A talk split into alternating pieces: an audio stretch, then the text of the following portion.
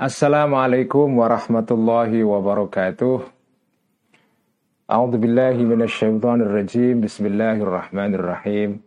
Alhamdulillahi rabbil alamin wassalatu wassalamu ala asyrafil anbiya'i wal mursalin sayyidina wa habibina wa maulana wa qurrati a'yunina Muhammadin wa ala alihi wa ashabihi wa man tabi'ahum bi ihsanin ila yaumiddin.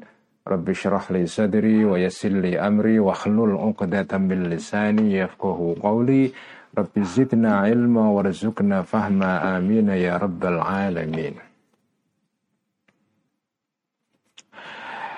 بسم الله الرحمن الرحيم. قال المؤلف رحمه الله تعالى ونفعنا به وبعلومه في الدارين. آمين. رب يسر وأعين.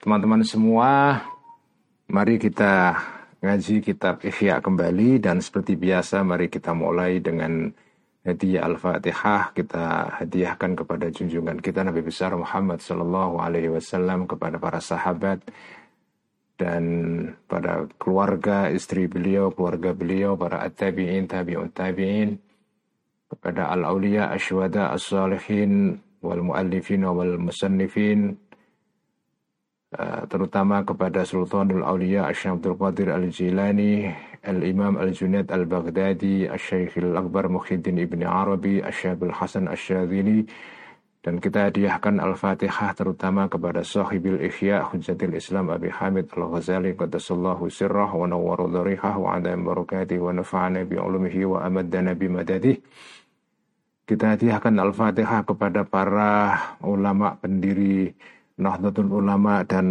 jamiah-jamiah Islam yang lain terutama Hadratus Syekh Hashim Ash'ari, Kiai Khalil Bangkalan, Kiai Wahid, Gusdur, Kiai As'ad, Kiai Wahab, Kiai Bisri Shansuri, Kiai Maksum, Kiai Maksum, Kiai Abdullah Salam, Kiai Sa'al Mahfuz, dan juga kepada ayah saya, Kiai Abdullah Rifai, ibu saya, Ibu Salamah dan Ibu Nyai Fatmah dan juga kepada guru-guru kita, saudara-saudara kita, saudara dan sahabat-sahabat kita, teman-teman kita yang sudah mendahului kita semua.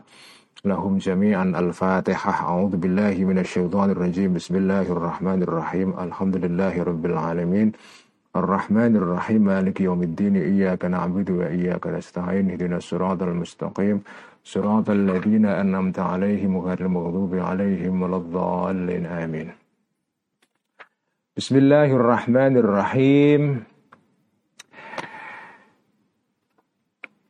Kitab Ikhya halaman 657 juz kelima edisi Darul Minhaj. Wa qala Malik bin Dinarin.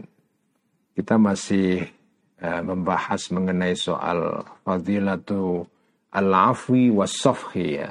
Jadi keutamaan kita mengampuni dan tidak melakukan balas dendam. Fadilatu safhi wal afwi ya. Kita mengampuni dan tidak tidak tidak membalas kejahatan yang dilakukan oleh orang lain kepada kita.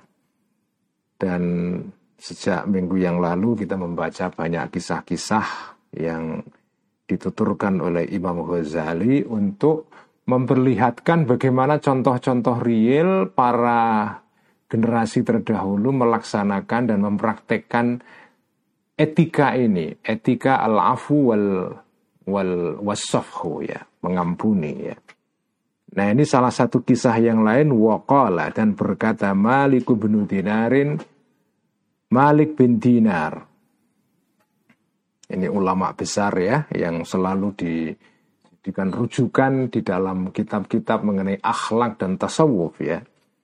Waqala dan berkata Malik bin Dinarin Malik bin Dinar Ataina Kata dia begini Ataina Dia berkisah ini ya dan berkisah Malik bin Dinar tentang peristiwa ini. Ataina mendatangi aku atau kami. Jadi yang datang di sini bukan hanya dia, dia bersama orang-orang yang lain. Manzilal Hakam ibni Ayyuba.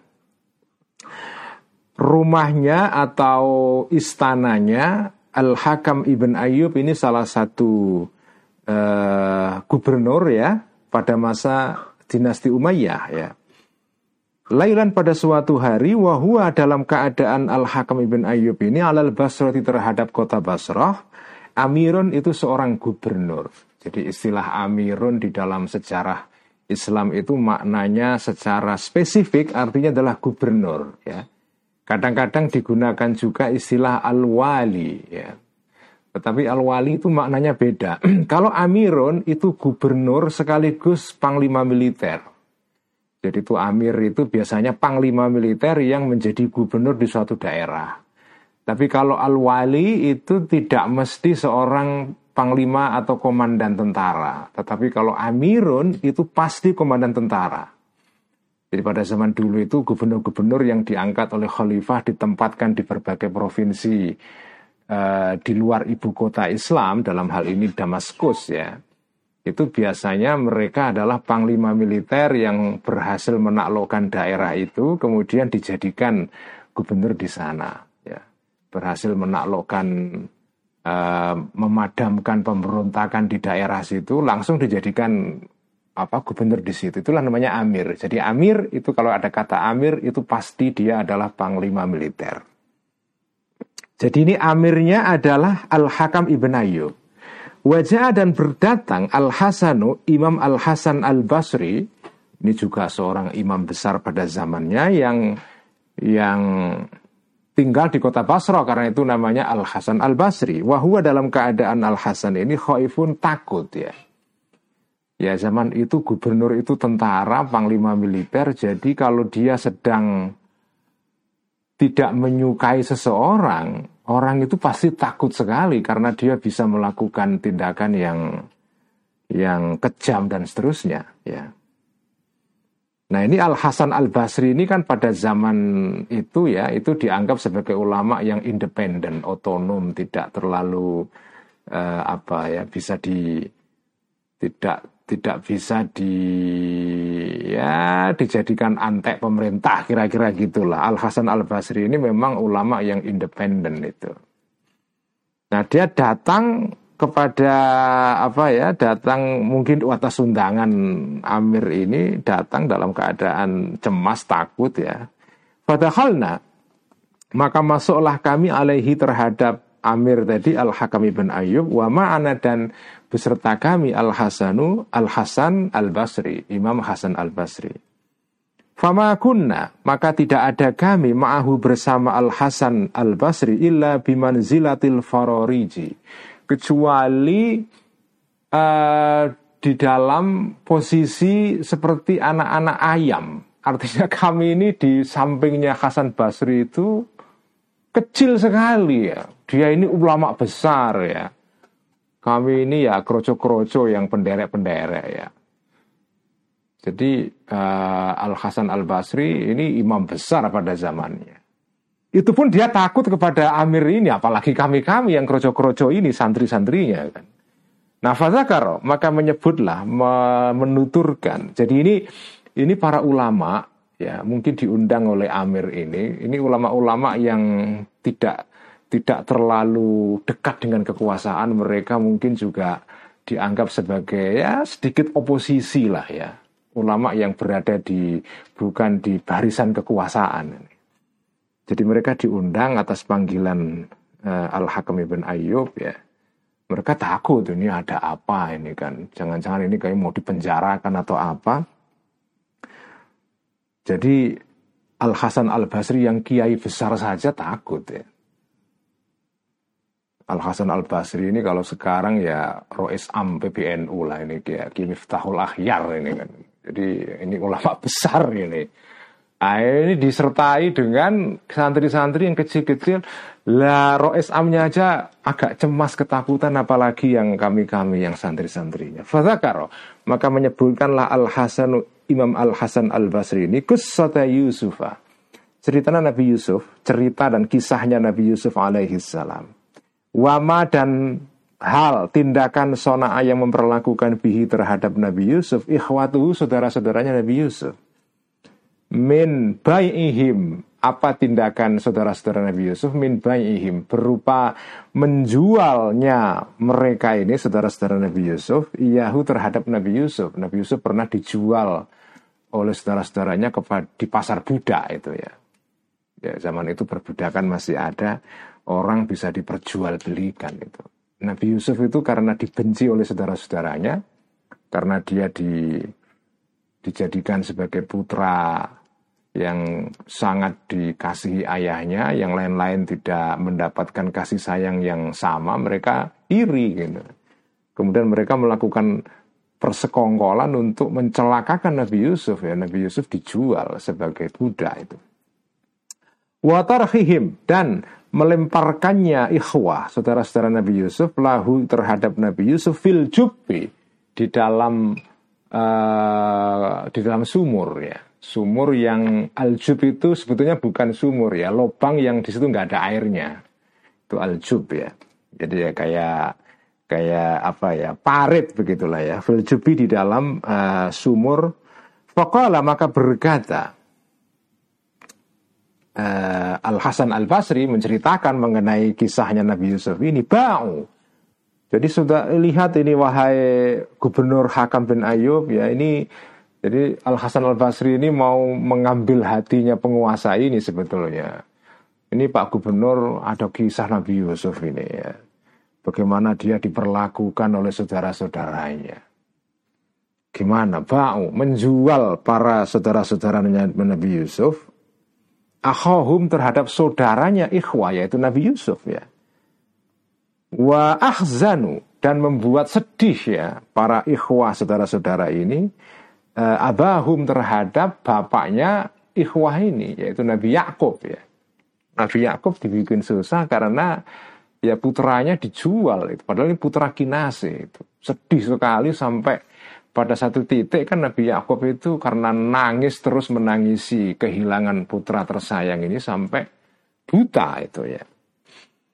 Wadakar dan menceritakan uh, Imam Al Hasan Al Basri ma sesuatu kejadian Lakia yang menjumpai yang menemui Nabi Yusuf terhadap kejadian ini min kaidin nisa'i berupa persekongkolannya para perempuan-perempuan Mesir ketika itu. Ya.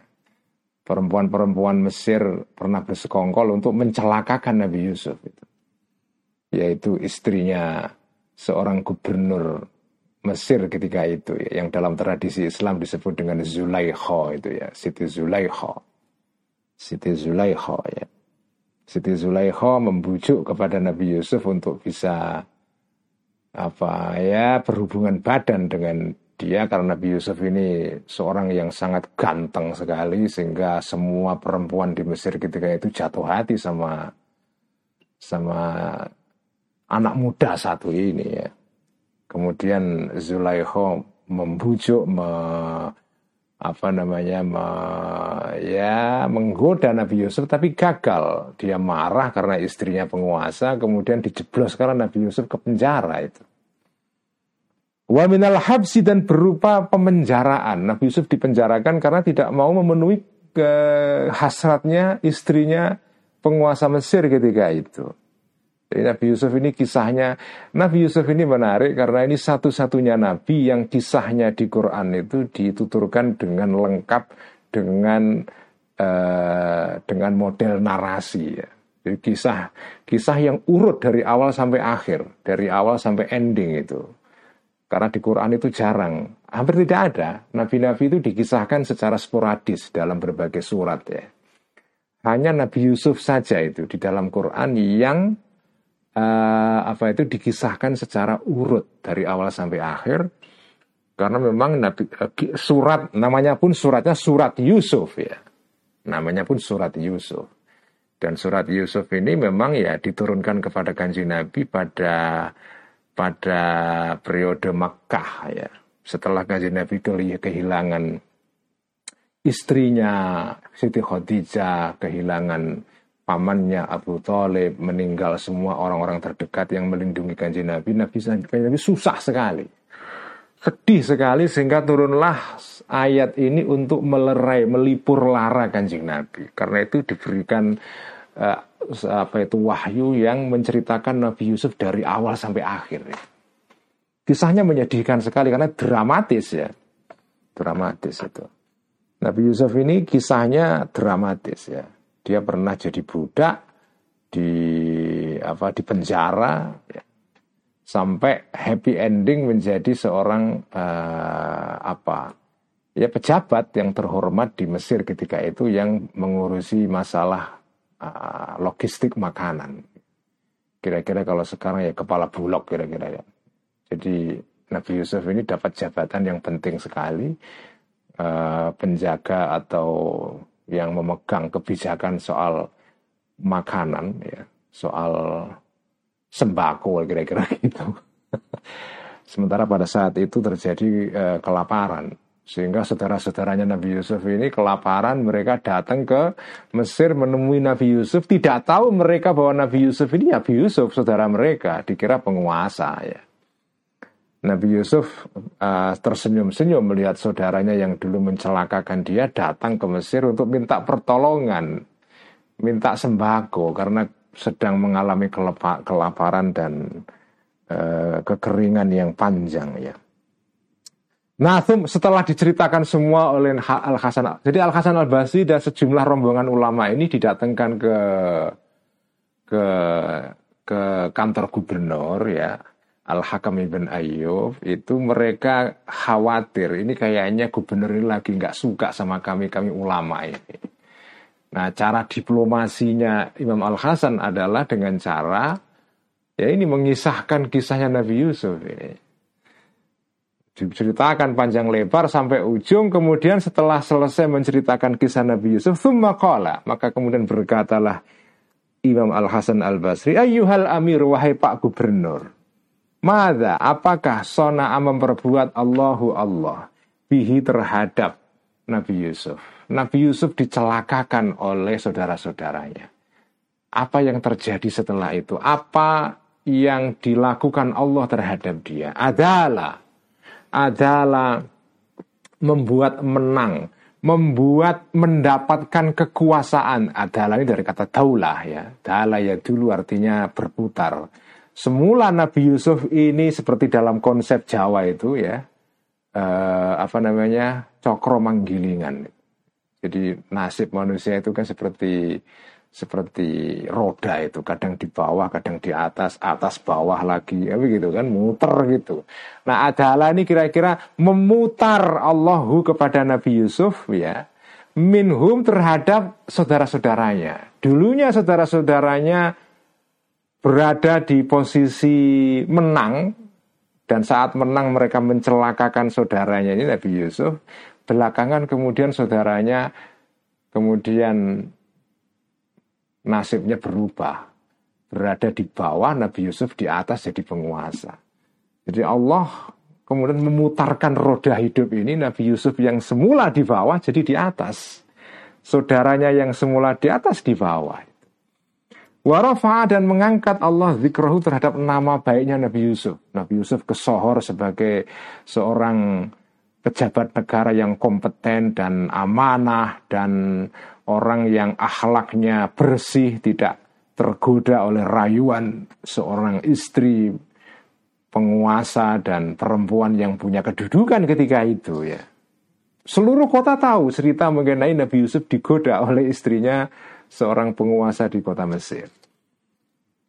Wajah dan menjadikan Allahu kepada Nabi Yusuf ala khazainil ardi terhadap gudang-gudang makanan di bumi artinya stok makanan ya sebagai seorang penguasa.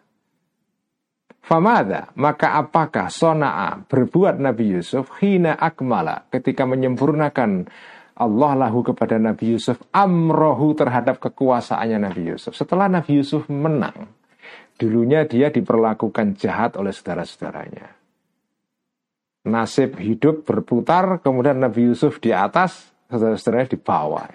Setelah Nabi Yusuf menang, apa yang dia lakukan terhadap saudara-saudaranya? Wajah dan mengumpulkan Nabi Yusuf. Allah lahu kepada Nabi Yusuf, ahlahu, keluarganya Nabi Yusuf. Jadi karena takdir Allah, kemudian saudara-saudaranya ini datang dari kampung, menuju Mesir bersama ayah mereka Nabi Yakub. Kemudian mereka sujud di depan Nabi Yusuf itu. Menang Nabi Yusuf ini. Artinya kalau beliau ini orang yang pendendam ya. Bisa itu pada saat momen menang itu dia memenjarakan seluruh saudara-saudaranya yang kemarin berbuat jahat itu ya. Ini kayak kisah apa ya roman-roman balai pustaka itu apa namanya? Siti Nurbaya apa? Uh, azab dan sengsara. Ya, kira-kira begitulah ya. Tokohnya semula sedih ya sengsara kemudian di ujungnya menang gembira dan uh, dan kemudian dia karena digambarkan sebagai tokoh baik dia tidak mendendam itu Kala, ketika Nabi Yusuf menang ini kala, berkatalah Nabi Yusuf seperti diungkapkan oleh Allah dalam sebuah ayat ya dalam surat Yusuf ini la tathriba alaikumul yauma yaghfirullahu lakum. La tathriba, tidak ada tidak ada celaan. Aila aiba ya. La tathriba tidak ada celaan itu maujud itu ada alaikum terhadap kalian al yauma hari ini. Udah. Hari ini bukan momennya saling mendendam dan menyalahkan satu terhadap yang lain. Aku ampuni kalian. Yaghfiru. Semoga mengampuni Allahu Allah lakum kepada kalian. Nah Nabi Yusuf ketika menceritakan ini semua yu'arridu ya. Yu'arridu Uh, dalam keadaan ini jumlah haliyah ya yu'arridu dalam keadaan. Tujuannya Imam Al Hasan Al Basri menceritakan ini semua yu'arridu. Memberikan kalau sekarang itu istilahnya memberikan kode. Apa kode? Jadi supaya ini kisah dikisahkan kepada uh, Gubernur Al Hakam Ibn Ayyub ya. Tujuannya adalah supaya ya dia tidak memarahi para kiai-kiai yang datang ke hadapan dia hari itu. Yu'ar itu dalam keadaan memberikan apa ya kode atau saran pesan tersirat itu yu'ar itu ya lil hakami kepada gubernur al hakam bil afi untuk memberikan ampunan an ashabihi terhadap kawan-kawannya Imam al Hasan al Basri Faqala maka berkatalah Al-Hakamu Gubernur Al-Hakam Ibn Ayyub setelah dibentangkan kisahnya Nabi Yusuf ini fana. Maka aku Gubernur Hakam Ibn Ayyub aku lu mengatakan aku la tathriba alaikumul yaum kalau gitu saya mengikuti Nabi Yusuf. Hari ini tidak ada tidak ada hukuman bagi kalian-kalian yang datang kepadaku. Walau lam ajid dan jika tidak menemui, menemui, tidak menjumpai aku, aku Gubernur Al-Hakam ini illa saubi. Uh, kecuali bajuku ini, sopku ini, sop itu baju Arab itu yang panjang seperti ya seperti anu lah ya jalabiyah itu ya. ya sop itu baju panjang yang terusan itu ya itu sop. ya kira-kira baju Jawa ini sekarang ini juga bisa disebut dengan thop ini ya thop itu. Tapi thop itu eh, istilah di Arab ketika itu thop ya itu artinya adalah yaitu jalabiyah itu. Apa namanya uh, baju panjang yang dipakai sehari-hari ya itu namanya thop ya Illa thawbi kecuali thawbku ini lawaraitukum. Lawaraitukum maka pasti akan menutupi aku kum kepada kalian tahtahu di bawah thawbku ini. Jika seandainya aku ini tidak punya apa pun kecuali thawbku saja. Ya. Pasti kamu akan saya ampuni, saya tutupi kesalahan kalian dengan thawbku ini. Apalagi aku punya kekuasaan besar. Ya udah, kamu saya ampuni semua. Wakataba dan menulis Ibnul Muqaffai uh, Abdullah Ibn Al-Muqaffa ini seorang sastrawan besar Arab ya. Orang Persia yang pindah masuk Islam dulunya Majusi dan menjadi salah satu ya penasehat bagi khalifah-khalifah pada zaman uh, Khalifah Abbasiyah ya. Ini seorang sastrawan penulis yang luar biasa dan karya-karyanya uh, dibaca oleh para para khalifah dan sultan pada zaman itu. Karena beliau ini memang penulis khusus buku-buku untuk uh, menasehati para penguasa pada zamannya. Salah satu karya dia yang terkenal itu eh, karya untuk menasehati penguasa dalam bentuk kisah, tapi tokoh-tokohnya itu binatang. Nah itu kitabnya namanya Kalilah wa Timnah. Ya. Kalilah wa Timnah itu karya Ibnu Mukoffa. Isinya adalah kisah binatang-binatang ya kehidupan antar binatang tetapi sebetulnya itu hanya parabel atau uh, hanya apa ya pasemon untuk uh, memberikan nasihat kepada para penguasa pada zaman itu karena penguasa zaman itu tuh kejam sekali kalau dikritik langsung marah itu tapi kalau diberikan kisah ya kisahnya kisah binatang ya. Itu kan penguasa tidak merasa tersinggung gitu karena ini kan kisah binatang bukan kisah manusia. Padahal sebetulnya isinya itu ya nasihat untuk para penguasa. Nah buku itu sudah pernah diterjemahkan dalam bahasa Indonesia sebagian terbit dulu di Balai Pustaka kalau tidak salah ya jadi Balai Pustaka itu pernah menerbitkan satu petilan dari kisah-kisah yang ditulis dalam kitab Kalilah wa Timnah ya. Ditulis dalam bahasa Persia sebetulnya tapi sudah uh, diterjemahkan dalam bahasa Arab. Indah sekali buku ini. Nah, Ibnul Muqaffa menulis surat ila sadiqin kepada seorang teman lahu bagi Ibnul Muqaffa yas'aluhu. Dalam keadaan meminta Ibnul Muqaffahu kepada temannya ini al-afwa pengampunan an ba'di ikhwanihi terhadap sebagian dari kawan-kawannya Ibnul Mukaffa. Nah, temannya Ibnul Mukaffa ini penguasa, sodik di sini karena Ibnul Mukaffa ini sastrawan yang dekat dengan kekuasaan. Sastrawan besar yang dekat dengan gubernur, dengan sultan, khalifah, macam-macam ya. Nah, teman-temannya ini teman-teman yang punya kesalahan terhadap penguasa pada zamannya. Kesalahan politik ya yang akibatnya berat sekali kalau kesalahan politik pada zaman itu. Nah Ibnul Mukaffa ini karena sastrawan istana ya dia dekat dengan para penguasa-penguasa pada zamannya teman-temannya minta tolong untuk memberikan apalah syafaat lah ya jadi dia minta Ibnu Mukaffa supaya penguasa tidak marah kepada mereka ini apa kata Ibnu Mukaffa fulanun haribun min zallatihi ila afwika ini karena sastrawan jadi nulisnya juga nulis yang apa ya? Uh, ya apa ya? Ya berbau pasemon atau parabel ya atau tidak langsung ya permintaannya itu. Fulanun. Ini indah sekali ini berupa kalam hikmah. Fulanun seorang fulan si anu ini wahai temanku wahai ini pikir ini pasti penguasa ini Wahai temanku, ini si Anu si Fulan ini hari pun itu lari min zallati dari kesalahannya Fulan ini ila afwika kepada pengampunan kamu. Dia salah minta pengampunan dari kamu. La idun minta perlindungan mingka dari dirimu bika terhadap diri dengan kamu. Jadi dia salah terhadap kamu, minta perlindungan dari hukuman kamu terhadap kamu. Jadi dia minta tolong kamu dari hukuman kamu. La idun minka bika. Wa'lam dan ketahuilah wahai wahai temanku yang penguasa ini annahu sesungguhnya keadaan berikut ini domir sya'an lan yazdada tidak tambah adzambu dosa ya al besarnya ini tamyiz ya dalam nahwu disebut dengan tamyiz apa nih? Gede nih ya besarnya ini. Ilas dadal afu kecuali bertambah al afu pengampunan fadlan keutamaannya.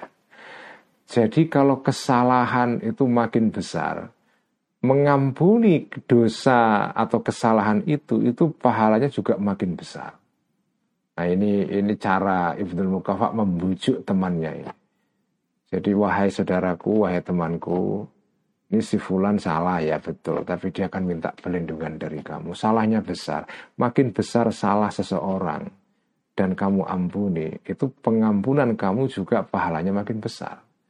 Kalau kesalahannya kecil, pahala mengampuni kesalahan itu juga kecil. Jadi pahala pengampunan itu berkorelasi secara secara lurus ya dengan dengan besar kecilnya kesalahan. Wa utia dan didatangi di ya didatangi Abdul Malik ibnu Marwan, Khalifah Abdul Malik ibn Marwan ini khalifah besar pada zaman khalifah khilafah Bani Umayyah ya Abdul Malik bin Marwan inilah yang memerintahkan untuk membangun Masjidil Aqsa pada zamannya. Ini berkuasa pada tahun sekitar ya 80-an Hijrah ya, 70 80 ya. Masih di abad pertama Hijriah ini.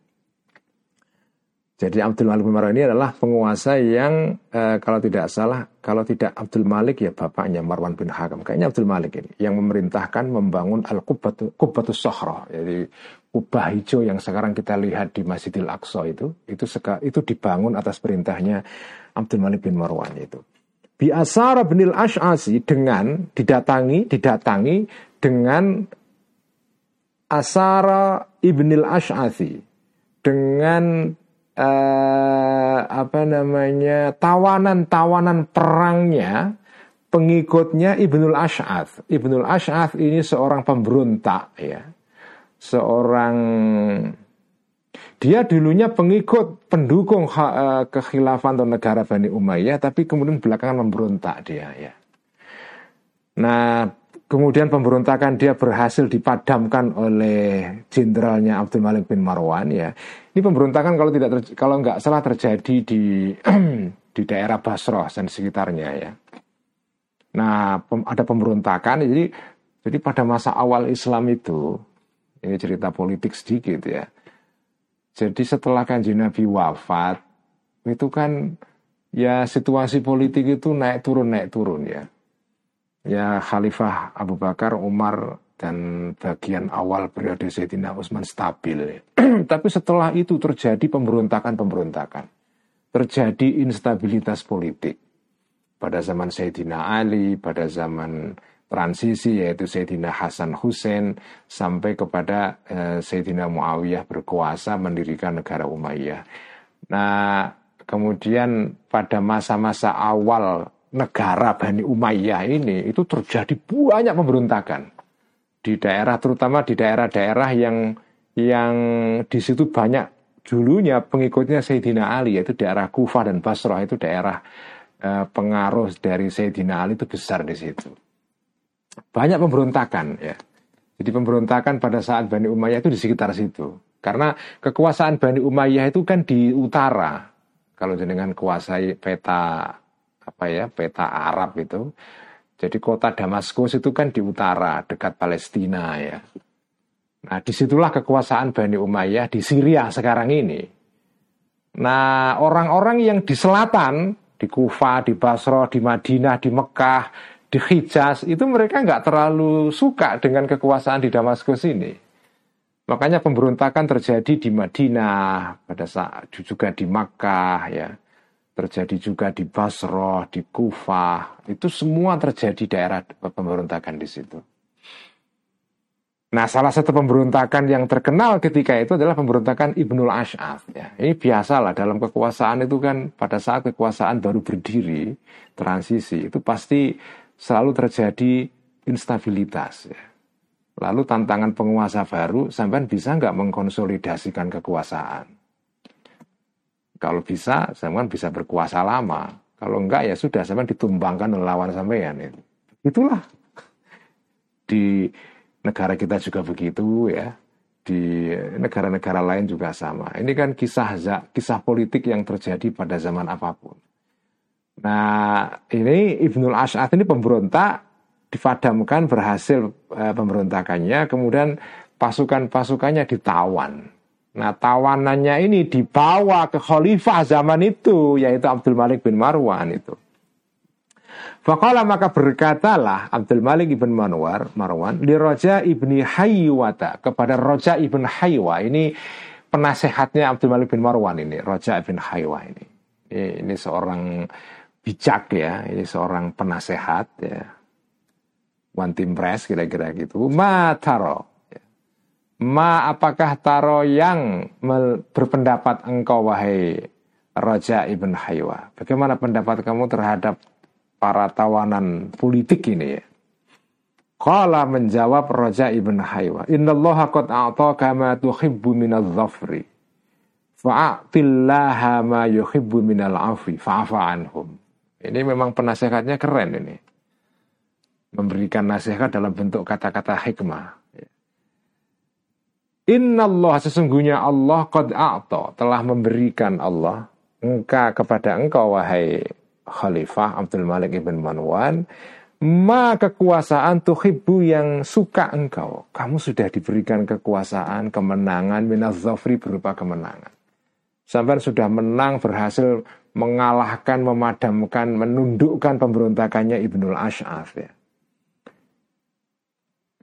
Ya karena itu kamu sudah diberikan kemenangan ya sudahlah, Fa'ati. Maka berikanlah engkau wahai khalifah Allah terhadap Allah ma sesuatu yuhibbu yang cinta Allah kepada ma. Allah itu cinta apa? Minal afi berupa pengampunan. Sampean diberikan Allah kemenangan, sampean sebagai timbal baliknya berilah Allah sesuatu yang Allah sukai, yaitu apa? Kamu melakukan pengampunan terhadap musuh-musuh kamu. Itulah cara kamu mensyukuri nikmat Allah berupa kemenangan. Ini nasihatnya Roja bin Haywa ini bisa dipakai untuk segala segala zaman ini kan. Karena ini kan problemnya kadang-kadang orang sudah menang, sudah dikasih kemenangan masih masih nggak cukup. Dia menang, kepengen menden, melakukan dendam terhadap musuh-musuhnya. Ya sudahlah, menang kan sudah menang, selesai udah. Kalau sudah menang ya sudah musuhnya diampuni. Bukan malah nggak mumpung saya menang, saya akan perlakukan musuh saya sesuai dengan uh, apa dendam saya. Nah, itu itu bukan cara mensyukuri nikmat. Jadi cara cara mensyukuri nikmat berupa kemenangan politik adalah jenengan mengampuni lawan-lawan sampeyan itu. Bukan malah mendendam. Waruya dan dikisahkan. Ini masih kisah-kisah mengenai soal pengampunan politik ini. Ini amnesti. Nah, ini, kisah-kisah mengenai amnesti politik ini. Waruya dan dikisahkan dan Sesungguhnya Jenderal Ziyad ini, ini jenderal perang yang besar pada zaman Muawiyah, pada zaman Yazid ya. Juga jenderal yang apa ya memimpin pasukan yang kemudian membunuh Sayyidina Husain di Karbala ini. Akhoda mengambil Ziyad ini rojulan seorang laki-laki minal khawariji dari orang-orang khawaris pemberontak ini berhasil menangkap fa aflata maka lepaslah laki-laki atau seorang khawaris ini minhu dari Ziyad ya. Jadi menang, dia berhasil menangkap seorang pemberontak khawarij, kemudian lepas. Nah, sebagai taktik dia untuk mengejar orang ini fa'akhoda, maka menangkaplah Ziyad ya, Ibnu Abihi ini itu nama lengkapnya. Ahon, saudara lahu bagi rojul tadi itu. Dia tangkap saudaranya untuk sebagai ultimatum. Kalau kamu tidak menyerahkan diri ya saudara kamu saya tangkap. Nah ini kan taktik biasa untuk melakukan apa ya ancaman ya. Jadi menyandera seseorang dengan cara menangkap orang yang terdekat kepada dia, ya, saudaranya, ibunya, bapaknya, anaknya dan segala macam ya dia menangkap saudaranya laki-laki Khawaris tadi itu. Faqala. Maka berkata Ziyad ini, Injita bi akhika wa illa darabtu unuqaka. Injita, dia berkata kepada saudaranya yang ditangkap sebagai ganti orang Khawaris tadi itu. Injita, jika berhasil mendatangkan engkau bi akhika terhadap saudara kamu yang lepas tadi itu, ya udah kamu saya lepas. Wa dan jika tidak berhasil, tu akan memancung, memotong aku unuqaka, leher engkau. Maka maka berkatalah, ini ini saudaranya ini yang ditangkap sebagai sebagai apa ya, sebagai sebagai apa namanya, sebagai apa namanya kalau dalam gade itu sebagai apa ya sebagai tak jaminan. Nah, sebagai jaminan ini. saudaranya yang ditangkap tadi karena pintar dia. Dia jawabnya begini, fakola maka berkata ahon lahu tadi itu. Araita, apa pendapat kamu wahai Jenderal Ziyad ya? Inji itu, jika datang aku ke engkau, terhadap engkau, bikitabin dengan surat min amiril mu'minina dari khalifah. Apa yang bagaimana seandainya ini dia tanya ya. Seandainya aku datang membawa suratnya khalifah. Ya. Yang isi surat itu tuhali harap melepaskan engkau sabili terhadap jalanku. Ada surat datang dari khalifah, saya bawa, isi surat itu supaya engkau melepaskan aku supaya nggak dipenjarakan. Kira-kira kamu tetap memenjarakan aku atau melepaskan aku? Fakola maka kola maka menjawab Ziyad tadi, nah ya, ya akan saya lepaskan kamu. Perintah dari Amirul Mukminin kok ya. Kola maka berkata akhon lahu tadi itu, wah dia dia sudah berhasil memojokkan Ziyad ini kalau seandainya datang surat dari khalifah memerintahkan aku supaya dilepas itu, kamu kira-kira melepas aku enggak? Oh iya, wong surat dari khalifah, enggak mungkin saya saya tentang itu. Ya kalau gitu fa'ana, maka aku yang aku maksudnya tadi itu saudara orang khawaris tadi itu yang ditangkap Fa'ana maka aku sekarang atika mendatangi aku ka terhadap engkau bikitabin dengan surat minal azizil hakimi dari Allah yang maha aziz, maha agung al hakimi yang bijaksana. Aku bawa surat sekarang datang dari Allah bawa surat. Wa ukimu dan uh, menegakkan aku ya, alaihi terhadap surat ini syahida ini dua saksi. Aku punya dua saksi yaitu Ibrahim wa Musa. Nggak main-main saksinya ini Nabi, Nabi Ibrahim dan Musa. Thummatala kemudian membaca akhon lahu tadi itu surat ini amlam yunabba bima fi suhufi Musa wa Ibrahim alladhi tawalla alla taziru wa ziratun wizra ukhra. Ya. Ini kalau nggak salah dalam surat An-Najm ya. Amlam yunabba bima fi suhufi Musa wa Ibrahim alladhi waffa alla taziru wa ziratun wizra ukhra. Ini ayat, ini surat dari Allah yang dikirimkan kepada hambanya termasuk aku yang isinya adalah ini memerintahkan supaya mengampuni itu ya. Amlam yunabba, apakah tidak diberikan tak diberikan kabar, diberitahu ya. Maksudnya orang-orang kafir pada zaman itu ya. Bima fi suhufi Musa. Bima dengan ajaran. Fi suhufi Musa. Di yang terdapat di dalam lembaran-lembarannya Nabi Musa. Suhuf itu artinya adalah kalau dalam bahasa digital sekarang itu scroll ya. Scroll itu artinya buku tapi berupa gulungan. Itu namanya sohifah ya. Karena buku itu konsep buku yang seperti sekarang ini berupa halaman yang bisa dibolak-balik ini. Ini konsep belakangan. Dulunya sebelum ada buku, buku dalam tradisi lama yang dikembangkan oleh orang-orang Yahudi itu berupa gulungan. Jadi digulung begini. Jadi kalau baca di otot sedikit demi sedikit ya. Jadi ada ada gulungan di sini di sini. Jadi kalau mau membaca bagian sini diputar bagian yang kanan ini sehingga dia bisa membaca yang bagian kiri ya itu namanya scroll. Nah, scroll itu yang sekarang dipakai di dalam dunia apa itu namanya digital di website ya di apa di page itu. Makanya namanya scroll. Scroll ke bawah. Maksudnya itu diputar sebetulnya. Itu namanya sohifah. Sohifah itu hanya scroll gulungan itu. Bisuhufi Musa di dalam gulungan-gulungan buku-buku berupa gulungan-gulungan Nabi Musa wa Ibrahim dan Nabi Ibrahim alladzi wafa.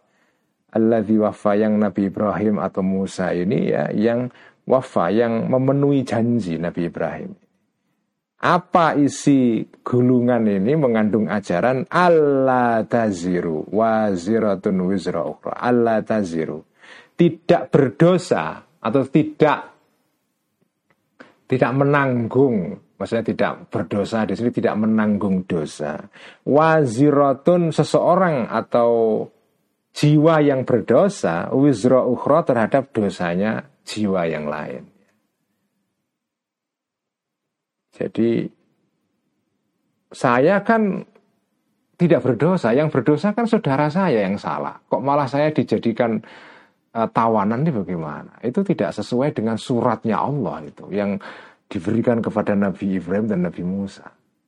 Itu surat ini bukan sekedar surat dari khalifah tapi dari Tuhannya seluruh alam raya ini.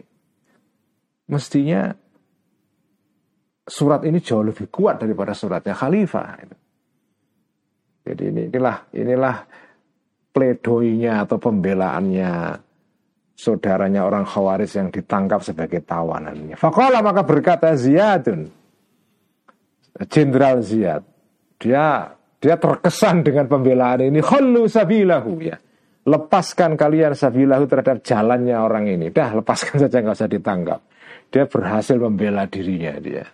Nah, ini contoh ini ya. Ini ini tindakan Ziyad ibn Abihi yang uh, menjadi contoh bagaimana orang yang mempraktekkan al-afu wal wasafhu, mengampuni orang lain pada saat dia berkuasa. Nah, itu etika yang diajarkan dalam Islam itu begitu. Jadi jenengan kalau sedang berkuasa itu bukan malah ngaji mumpung menjadikan kekuasaan sebagai alat untuk balas dendam. Tidak. Kalau jenengan sedang berkuasa, maka etika yang dipakai adalah etika as-safhu wal afu. Ampunilah lawan-lawan sampeyan itu. Allah taziru wa ziratun wizra.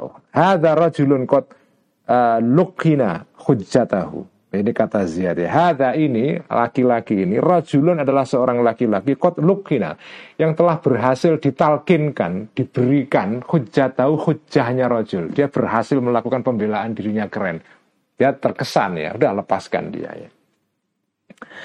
Wakila dan dikatakan, disebutkan ya, Maktubun fil Injili man istaghfara liman zalamahu faqad hazama syaitana. Dalam Injil. Nah, ini menarik sekali. Kitab Ihya mengutip kitab Injil. Kitab Ihya mengutip kitab Injil. Jadi Injil itu ya kitabnya orang Kristen, tetapi dia berisi kebaikan juga. Kebaikan-kebaikan yang di sana bisa kita ambil juga. Dijadikan dalil dalam kitab Ihya. Jadi karena ajaran-ajaran kebaikan itu dalam pandangan Islam itu berasal dari mana pun sumbernya ya kita ambil. Karena orang Islam itu harus mempunyai cara berpikir ya zihniyah yaitu bahasa Arabnya zihniyah. Kalau dalam bahasa Inggris istilahnya mindset itu zihniyah ya zihniyah. Orang Muslim zihniyahnya, mindsetnya, cara berpikirnya adalah itu kebenaran itu dari mana pun harus didengarkan, diperhatikan.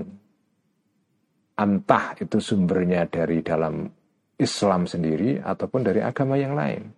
Kitab Ihya ini mengambil kebijaksanaan ya hikmah-hikmah yang berasal dari sumber-sumber dari Kristen, dari Injil itu. Nah di Injil itu ditulis, ini saya nggak belum ngecek ini apakah apakah di Injil apa ini Markus, Matius, Lukas atau Yohanes saya nggak tahu ya. Atau mungkin dalam perjanjian lama kita juga nggak tahu ya. Sepertinya ini dalam Injil perjanjian baru ini ya. Man barang siapa? Mungkin dalam khutbah di atas bukit ini mungkin ya. Man barang siapa istaghfar meminta ampun orang ini liman kepada orang zalama yang me menzalimi menganiaya orang kedua ini hu kepada man yang pertama. Kalau ada orang dianiaya oleh orang lain dia tidak membalas dendam malah memintakan ampunan bagi orang itu. Maka fakot hazama maka telah mengalahkan orang yang meminta ampunan bagi penganiayanya dia ini asyaitona kepada syaitan dia berhasil mengalahkan setan karena setan itu kepinginnya manusia itu menggunakan algoritmenya setan.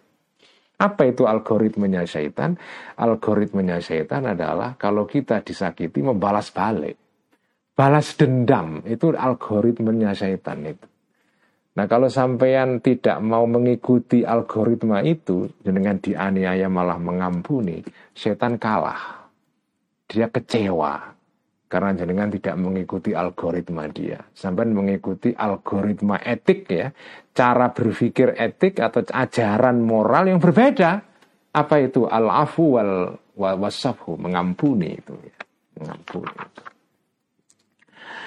Nah ini sudah sudah selesai pembahasan mengenai uh, apa namanya fadilatul afwi wal ihsan ya. Sekarang kita masuk ke bab berikutnya fadilatur rifqi, keutamaan berbuat halus, tidak kasar.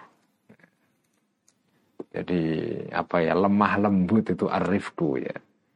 Ini salah satu ciri peradaban itu kan civility, peradaban itu ya orang bersifat halus, tidak kasar itu. Nah, agama itu mengajarkan peradaban, keadaban, keadaban, civility itu intinya salah satunya adalah arifku, halus, ya, tidak kasar, halus dalam tindakan. Nah nanti akan dijelaskan pada pada bab ini ya tapi kita ngaji ya selesai sekian saja. Kita teruskan minggu depan. Dan seperti biasa mari kita tutup dengan salawat tibbil qulub. Allahumma salli sayyidina Muhammadin tibbil qulubi wa dawaiha وعافية الأبدان وشفائها ونور الأبصار وضيائها وعلى آله وصحبه وسلم. اللهم صلِّ على سيدنا محمد طب القلوب ودوائها وعافية الأبدان وشفائها ونور الأبصار وعلى آله وصحبه وسلم. اللهم صل على سيدنا محمد طب القلوب ودوائها وعافية الأبدان وشفائها ونور الأبصار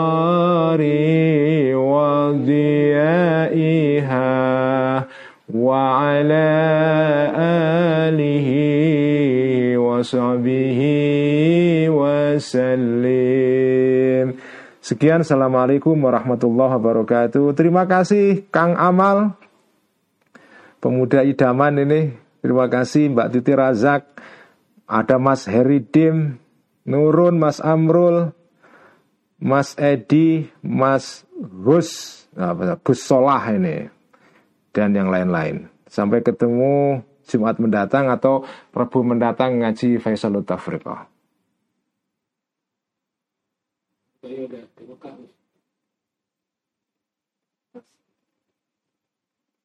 Ya.